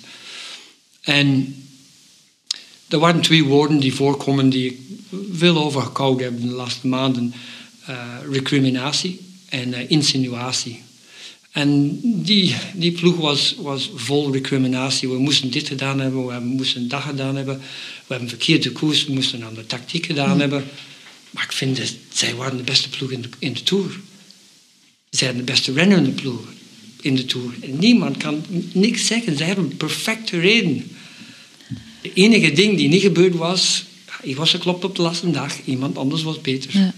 En recriminatie, voor wat is dat goed? In sport moet je ook kunnen toegeven als je verliest. Als iemand beter is. Gaan ze... en, en dat vind ik jammer, van, Ja. want de wielersport verdient dat niet. Gaan Ik ze... weet dat ze ontgoocheld waren, maar die waren wel een superploeg. Ze moesten niet op een andere manier niet gereden hebben. Gaan ze dit jaar, en dan spreek ik al over de Tour, want Pogacar gaat de Giro niet rijden. eh, heb ik begrepen. Gaan ze dit jaar anders koersen tegen jullie? Ehm, ik denk dat ze zouden willen, maar zoals ik zei vorig jaar, ik denk dat ze reden perfect. Misschien, er waren momenten vorig jaar waar dat Ineos en, en Jumbo-Visma zo een beetje een, een machtsstrijd aan tonen waren. Wie dat de sterkste was en wie dat kon het op kop rijden. Of, of, en ik denk dat dat gaat minder dit jaar. Ze gaan wel weten dat, uh, dat ze moeten energie in de tank houden. Want als de, er zijn andere sterke ploegen nu. De laatste tien jaar was het meestal Ineos die stond uh, kop en schouders boven. Maar nu is Jumbo-Visma even sterk. En, en uh, Tadej Pogacar gaat ook een, hele sterke ploeg hebben aan de start. Dus ik denk dat, dat uh, die strijd van vorig jaar zal een beetje gematigd zijn. En ze zal, ze zal gewaarschuwd zijn ook. Ja. Wat is de belangrijkste reden geweest om Pogacar niet te laten starten in de Giro? Ja, gewoon omdat het niet gaat uh, op dit ogenblik. Hij is nog maar 22 jaar. En um, hij heeft al een heel zwaar voorjaar gehad voor ons sponsors. De Tour van UAE in uh, februari is de belangrijkste wedstrijd behalve de Ronde van Frankrijk. En als je daar moet pieken al in februari, moeilijk een piek te houden. Dat heeft hij wel gedaan, heel de, heel de weg naar, uh, naar Leuk, Bastenaak en Leuk. Nu kan hij de riem een beetje aflaten uh, wat verkenningen doen van, van wat ritten in de Ronde van Frankrijk en dan de altitude en klaarstomen voor de Tour. Dus de tijden dat hij die Merckx en, en de toprenners kon alles rijden, is voorbij en specifieken moeten er komen. Um, dat, dat die mogelijk de twee zouden rijden in de toekomst, waarom niet? Ja. Maar ik denk dat op dit ogenblik is het een beetje, uh, het is een beetje te, te veel voor een 22-jarige. Ja. Rijdt hij nog een wedstrijd voor de Tour? Ik denk... Uh, het is beslist uh, vandaag dat hij gaat alleen maar uh, de Sloveense kampioenschap tijdrit en wegrijden. Um, dus een beetje hetzelfde traject normaal van, van Roglic. Klopt, ja. Roglic. Ik weet, Tadej kan, kan uh, heel goed trainen. En hij komt opnieuw voor, voor top te zijn in de laatste week. Hm. Wie, heeft het, wie heeft het laatste woord in, in zijn programma? Zijn trainer heeft de, de laatste woord, dat is de hoofdtrainer van de ploeg. Die heeft de laatste woord in uh, zijn programma. Natuurlijk is er overleg binnen, binnen de ploeg met het performance team. Uh, maar oké, okay, er was wel uh, discussie. Um, en dat is wel goed. Over hoe, hoe zwaar dit zijn voorjaar was. Ieder, hij, koers dat hij naartoe ging, ging die voor in. Een UAE Tour heeft hij gewonnen. Hij wou Strade Bianchi rijden omdat hij vindt het zo'n geweldige wedstrijd. Maar het is een uh, TSS van 400 die dag, hè, dus dat is, geen klein wedstrijd. Het is een super hard wedstrijd. Mm. Den Tirreno gereden en gewonnen. Uh, Baskeland, oké, okay, we hadden McNulty in de trui daar, dat was misgelopen, maar hij heeft gereden voor McNulty, maar ook daarbij heeft hij een super, een super trouwe luitenant gewonnen, denk ik. Uh, de manier dat hij toonde en dat hij kon zijn kansen opgeven voor iemand anders was, was merkwaardig. Dus die hele zware voorjaar, uh, het is wel goed dat hij nu een beetje de riem af kan laten en dan terugbouwen naar ja. de Tour. Jij gaat ook niet naar de Giro? Ik ga niet naar de Giro. Nee. Ik kan niet alles doen. Nee, maar je hebt hem ooit wel gedaan? ja, ik heb, ik heb ja. al vijf keer als renner gereden. Ik heb hem verschillende keren gedaan als ploegleider. En uh, ene keer gewonnen met Ryder Hesjedal in 2012 met Garmin. Dat was ook uh, een vergelijkende situatie dan Tadej vorig jaar. Gewoon de, de roze trui genomen, de laatste dag in Milan van de schouders van uh, Joachim Rodriguez. Jammer genoeg heb ik mijn, uh, mijn ex-collega Valerio Piver zwaar teleurgesteld die dag, die dag. Want uh, hij is Italiaan en ik heb de trui afgepakt van hem. Maar, en Thomas de Gent derde. En Thomas de Gent derde, ja. En hadden wij niet gereden, Thomas de Gent won misschien de Giro. Jij zit een weekje in de Giro. Ja, klopt. Ik doe de opstart aan de Giro. Zie je dan iets van de koers? Uh, ja, toch wel. Ze. Um, mijn voornaamste taak is eigenlijk om met de chef, de verzorgers, de dokters, alles nog een keer af te stemmen. Uh, het is ook leuk gewoon om ja, de renners nog een keer echt live te zien. Want uh, in deze coronatijden ja, is veel via videocall. En het is toch anders als je samen aan het buffet staat of um, samen aan tafel zit. Maar um, ik zie wel zeker de koers, want ik ga meestal dan als de koers zelf bezig is, mee in de bevoorrading met de verzorgers. Ehm, of ik blijf bij de chef als die hulp kan gebruiken. Dus, Maar bidons aangeven, dat gebeurt wel eens onderweg. ja, dat gebeurt hè? elke keer. ja. Ah, ja. Al gemist? Ehm, al gemist. Ik heb vorig jaar, ehm, ja, het is al twee jaar geleden, als de, het openingsweekend van de Tour in Brussel was. eh, nog juist 20 kilometer voor de meet, als de, de, de, allee, de, de vlakke rit, als het massasprint was, een bidon aangegeven aan ehm, Jasper was het. En gelukkig, het was eigenlijk gewoon water, maar die, die bidon is spatte open en alles was op eh, Michael Scher. Oh nee. Ja, die er nu nog altijd van spreekt. Ah, ja, maar jij hebt Die mij heeft, wel, die heeft wel iets met bidons. Die heeft iets met bidons, ja, eigenlijk. Ja. Ja, ik had er nog niet, niet zo bij stil. Dat is ook niet simpel, hè, om het gewoon aan te geven. allee, het was echt ja, de laatste 20 kilometer echt volle finale. En eh, ja, op, op een brede laan. Dus ze, ja, ze kwamen af aan, aan ja, heel hoge snelheid. Dus, ja. Ja. Het is gemakkelijker in de bergen. Ik, ik vind dat zelf... Ik heb het nog maar één keer moeten doen en dan nog in zo'n klein lokaal kermiskoersje, maar dat is, dat is bangelijk. De snelheid waarmee die mannen op jou afkomen en dan ook van... Wat is nu, wat is nu de goede tactiek? Bovenaan vasthouden of beneden? Om aan te geven. Bij ons zeggen ze wel echt bovenaan. Dus eigenlijk met je vingers ja, om, om de rand eigenlijk. Omdat ja, dan kunnen zij ze gewoon gemakkelijk uit je, uit je handen grijpen. Dus in principe de, ja, de techniek is niet zo moeilijk. Maar als het aan hoge snelheid is en iedereen rijdt door elkaar. En ja, zij zien u eigenlijk al van ver staan. Maar zelf zitten te kijken. Ja, wie het waar? Ja. Kom je zelf nog aan fietsen toe? Ehm, ik moet zeggen dat vorig jaar, door, ja, in de eerste lockdown, waarin dat we allemaal plots ja, verplicht thuis werden gezet en dat er ook naar uitzag, allee, het zag er eigenlijk redelijk snel naar uit dat er niet meteen terug zou gekoerst worden of gevoetbald of eender welke sport gedaan worden. Dat, dat was Allee, het heeft bij mij wel, voor mij persoonlijk, voor een structuur teruggezocht in lopen, fietsen. zijn zo wat de twee sporten die ik zelf het meeste doe. En ja, ik heb ook twee kindjes hè, van acht en zes. Ik moet toegeven, in die laatste zeven jaar op dat moment dan, was ik zo wel wat ritme kwijt tussen... eh, ik ging wel een Zoals keer lopen als ik een keer tijd vond. Ja, maar nu plots was er tijd en heb ik mij ook wel echt voorgenomen, en tot nu toe lukt dat eigenlijk wel, om ja, toch die tijd te blijven blokkeren in mijn agenda. Daar, allee, dat is het eigenlijk. Hè, gewoon echt, je moet het bijna vastzetten in je agenda. En fietsen, ja, maar het is zeker niet dat ik... eh, allee, vijf uur of geen... En als wij... Ik fiets meestal met mijn fietsmaatje Fien en dan rijden wij... ze- haar vriend is profrenner, is Tige Benoot.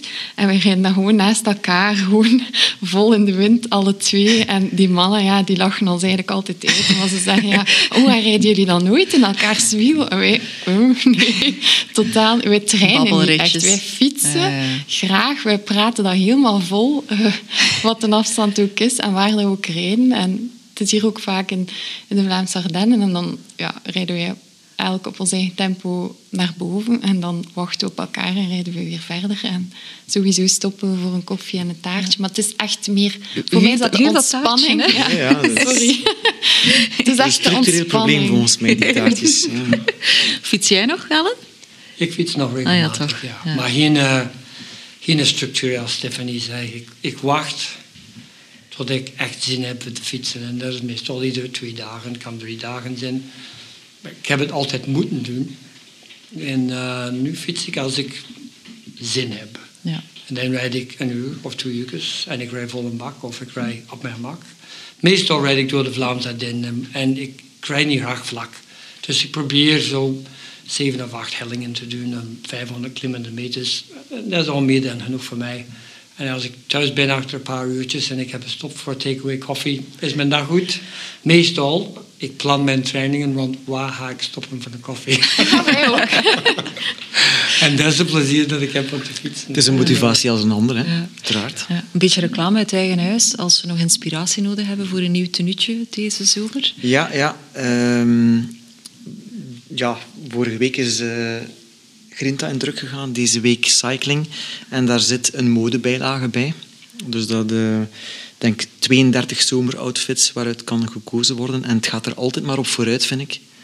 Eh, wat de merken aanbieden. Het is niet allemaal meer zwart of saai. En eh, het kan ook mooi zijn, hè, zwart, voor alle duidelijkheid. Maar uh, er zit wel, iets, er zit wel wat patroontjes in. En, en Als je te mooie veel taartjes eet, zwart Ja, ik denk, en die patroontjes helpen daar dan ook wel bij.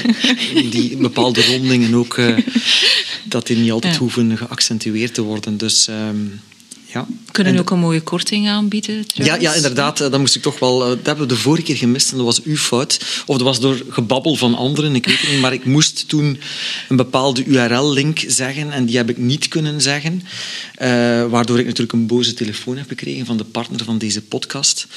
Eh, dat is niet waar hoor. Maar, maar ik moet hem nu toch wel echt vertellen, die website-link. Dat is www.futurumshop.nl schuinstreep arrivé.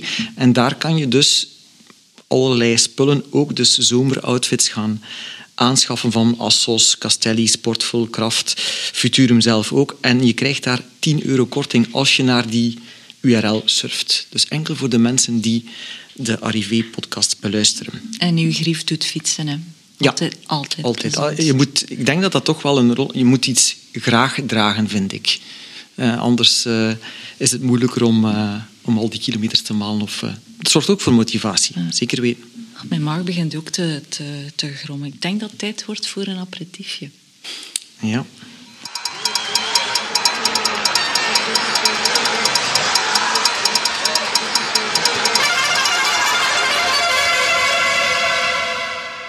Voilà, een goede uh, Saint-Raphaël voor onze neus. Ehm, we zullen het aan onze gasten nog maar eens heel kort introduceren, hè, Frederik? Ja, het is een, Frans aperitiefmerk. wil zich profileren als uh, l'apéro du vélo.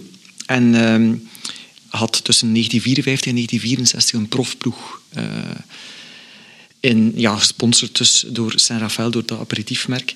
En ik wou daar één dingetje uitlichten, want ik vertel altijd een verhaaltje over uh, Saint-Raphaël. We houden van verhaaltjes. Doe Ja, en met, eh, ik was even aan het... eh, want gisteren wist ik het nog niet. Je belde mij wat, of ik al een verhaal had en ik had het nog niet. Eh, en dan dacht ik van ja, ik ga eens kijken naar, eh, naar de Giro d'Italia. En ehm, inderdaad, er zat daar een Belg bij die in... ehm, zo waar in 1958 tweede is geworden in de Giro en het bergklassement heeft gewonnen. En niemand kent die man. Dat is een van de... well, niemand kent die man. Er Jij zijn wel. wel mensen zijn die die man kennen, maar dat zijn zo vergeten namen. Hè? Jean Brancard.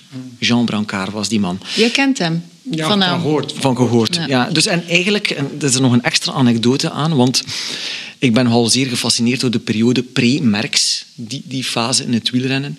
En ehm, dan kijk ik zo even van... ehm, wie kan ik nog spreken of daar een keer verhalen op, op rakelen met die persoon. En eh, vorige zomer, toen dat de coronatoestanden toch iets versoepeld waren, waren en zo, had ik eh, bij toeval op een zondag een aflevering gezien van de legendarische BRT-serie eh, Schipper naast Mathilde. Oh, man. En dat is een, een, een totale zwart-wit tijd ja, dat is van ver voor onze tijd allemaal natuurlijk.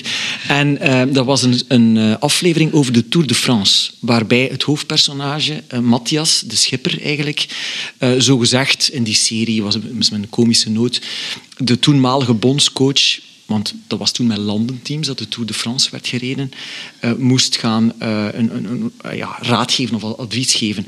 En heel die tourploeg kwam in die BRT-reeks ook aan bod. En Jean Brancard, dat was de Tour van 1960, Jean Brancard was daar ook in aan bod gekomen. En ik had die tourploeg opgezocht van wie leeft daar nu nog van die mannen. En Jean Brancard was de enige, denk ik, die, toen nog, die nu nog leefde, ay, toen nog. Want ik wou een afspraak maken en dat is er dan niet echt van gekomen, even Ah, uitgesteld. nee. En die man is in juli in die Oh, zomer nee. gestorven. Dus, en dat is dus weer een, eh, dat is uiteraard een domper, uiteraard is dat een domper, maar ook, ik had toch hem graag nog eens gesproken over die Zal periode. wel. Dus, en die reed voor eh, Saint-Raphaël in eh 58 en 59. En in 58 dus tweede in de Giro, won ook een bergklassement, werd nog eens zevende in 56, een paar jaar daarvoor. En in eh 59 tiende in de Tour de France geworden, tweede geworden in de Tour de France in 1955. Dus die man, ja, die had na Louison Bobet, ook een belangrijke grote naam. En in de Giro was het na eh Ercole Baldini, de oudste nog levende wereldkampioen wielrennen trouwens. Eh, die zal ook naar Vlaanderen komen in september, Baldini. En die, in die eh, Giro van eh, 58 ehm, waarin hij dus tweede werd, Brancard. Dat was ook, en dat wil ik toch even vermelden, dat was ook de laatste Giro d'Italia van Fausto Coppi. Ehm, dat is een Daar heb ik een zwak voor, natuurlijk, voor die figuur. En dat wil ik ook even vertellen. Dus Coppi natuurlijk 32e toen geworden in Giro op een uur van, van de uiteindelijke winnaar Baldini. Was niet meer de Coppi van Waleer. Maar dat zijn toch wel fascinerende tijden. Eh Brancard trouwens ook, dat wil ik ook nog vertellen. Eh, in 1954 was hij nog piepjong ook. Eh, was een zeer goede temporijder. En werd toen eh, tweede in de Grand Prix des Nations, de landenprijs, na Jacques Anquetil.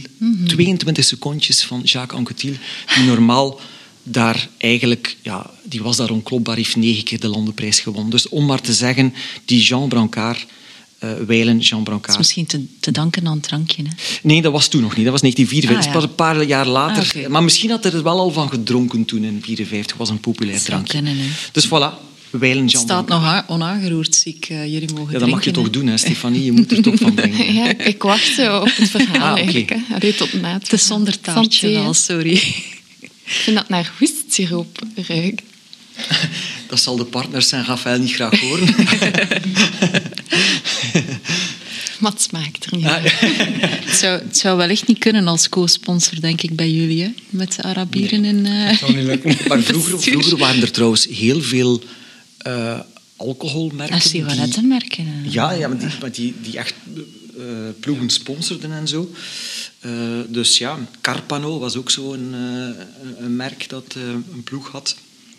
Martini zat ook natuurlijk in, in, de, in de koers. Dus, maar dat is, dat is er een beetje uitgegaan. Dat matcht ook niet echt meer met... eh, de Met wiel- voedingsdeskundigen en foodtrucks in het peloton. Segafredo, koffie. Ja, ja, Ja. graag koffie, Ja. dat is nu Ja. natuurlijk wel. Ja. Ja, maar ja, dat is, dat is legale doping, hè?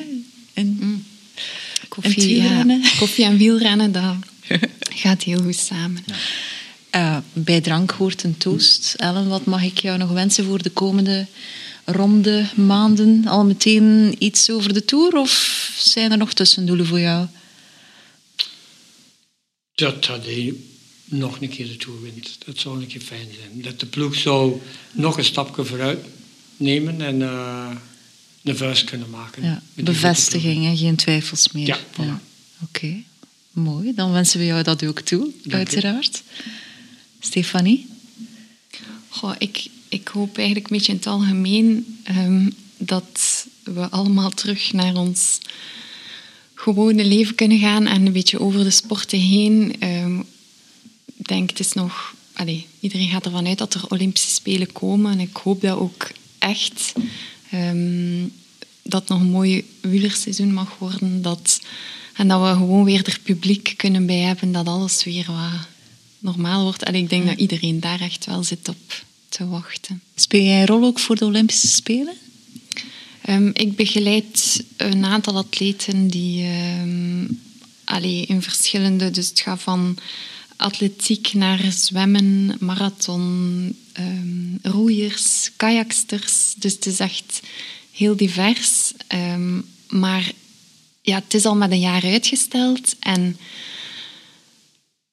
iedereen gaat ervan uit en, en zijn nu ook bezig met de vaccinaties en zo, maar toch hoorde dan altijd die berichtgeving van hè, het, is, het gaat daar niet goed Ja, in Japan. Japan zien ze het De- zelf de ook niet echt zelf zitten, zien het Nee. niet zitten en die onzekerheid die ondertussen in, allee, bij de wielrenners er wel wat uit is, omdat we zien dat het lukt met de testprocedures enzovoort. Die zekerheid hebben onze andere atleten eigenlijk helemaal nog niet. En het gaat niet alleen om de Olympische Spelen, maar je hebt nog een paar selectiemomenten. Of voor de geselecteerde atleten, ja, je wilt nog wel een keer een, een competitie doen om, om je als generale repetitie nog een keer je, je wedstrijdprotocol oefenen. En ja, er zijn niet zoveel of bijna geen kansen meer. Dus het is...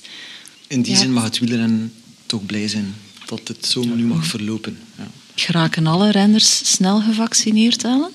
Maar onze ploeg heeft, heeft het geluk gehad dat het eh, eh, door de gratie van de eh, Royal Family van UAE dat ze kon gevaccineerd worden in januari op trainingskamp.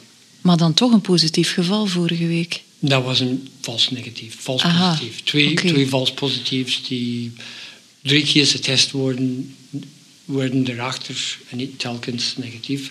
Maar de, de wet zegt een positief. Hm. Is, eh, de eerste keer is voorzichtigheid en daarmee waren ze, mochten ze niet starten in uh, Loas op Held.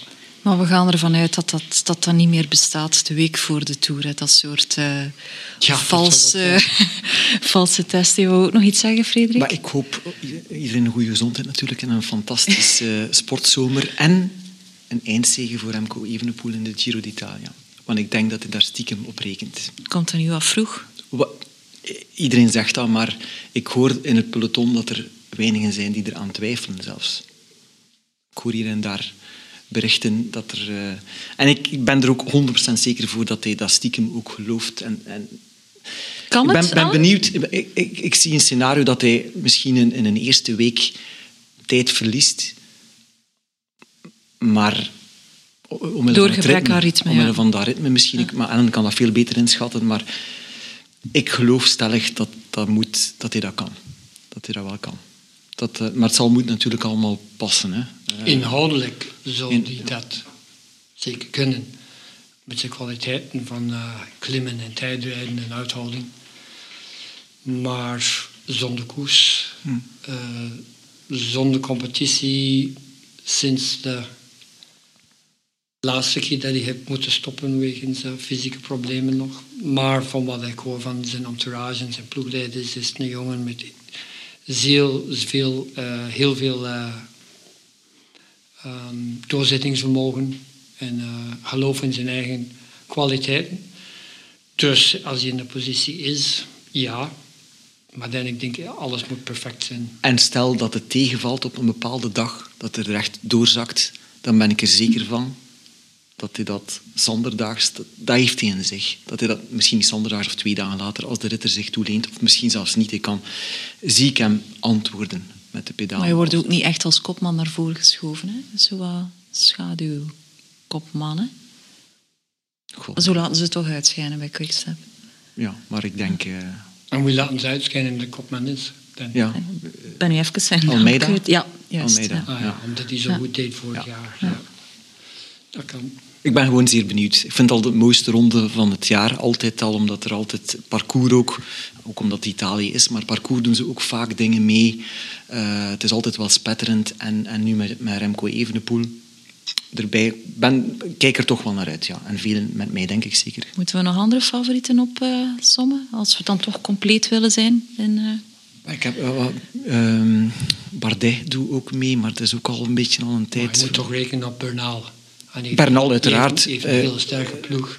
Maar ze nog perikkelen over rugklachten. Dus, eh, Dat is ook al een paar keer voorgekomen, ja, die rugklachten. Nu, nu Ja. niet, maar hij heeft wel een sterke ploeg achter hem. Ja. Maar zijn er, Pinot is weggevallen, maar dat zijn ook niet meer Mardij is ook niet meer de mannen. Nibali zal ook niet meer, uiteraard, met die, pols, met die polsbreuk, dacht ik. Ehm, Hindley is er ook wel weer bij, die vorig jaar, maar dat is ook niet... Eigenlijk de grote, de grote figuren... Bernal is echt wel eh, de grote figuur, denk ik. maar niet te veel druk op de jonge schouders van Remco Evenepoel. Ik gun het hem, hè. Maar eh, Nee, nee, nee, maar ik denk dat die druk, die druk vooral zichzelf oplegt. Hij, zal ze niet, zal het niet zeggen eh, voor de camera nog, maar eh, ik geloof echt dat hij daaraan denkt. all right. Ja. Goed. Dan kijken we uit naar een spannende Giro. En als ik één wens mag doen, dan oliebollen en taartjes à volonté, waar we niet dik van worden. Ellen, Stefanie, Frederik, dank je wel. Dank u. Dank u wel.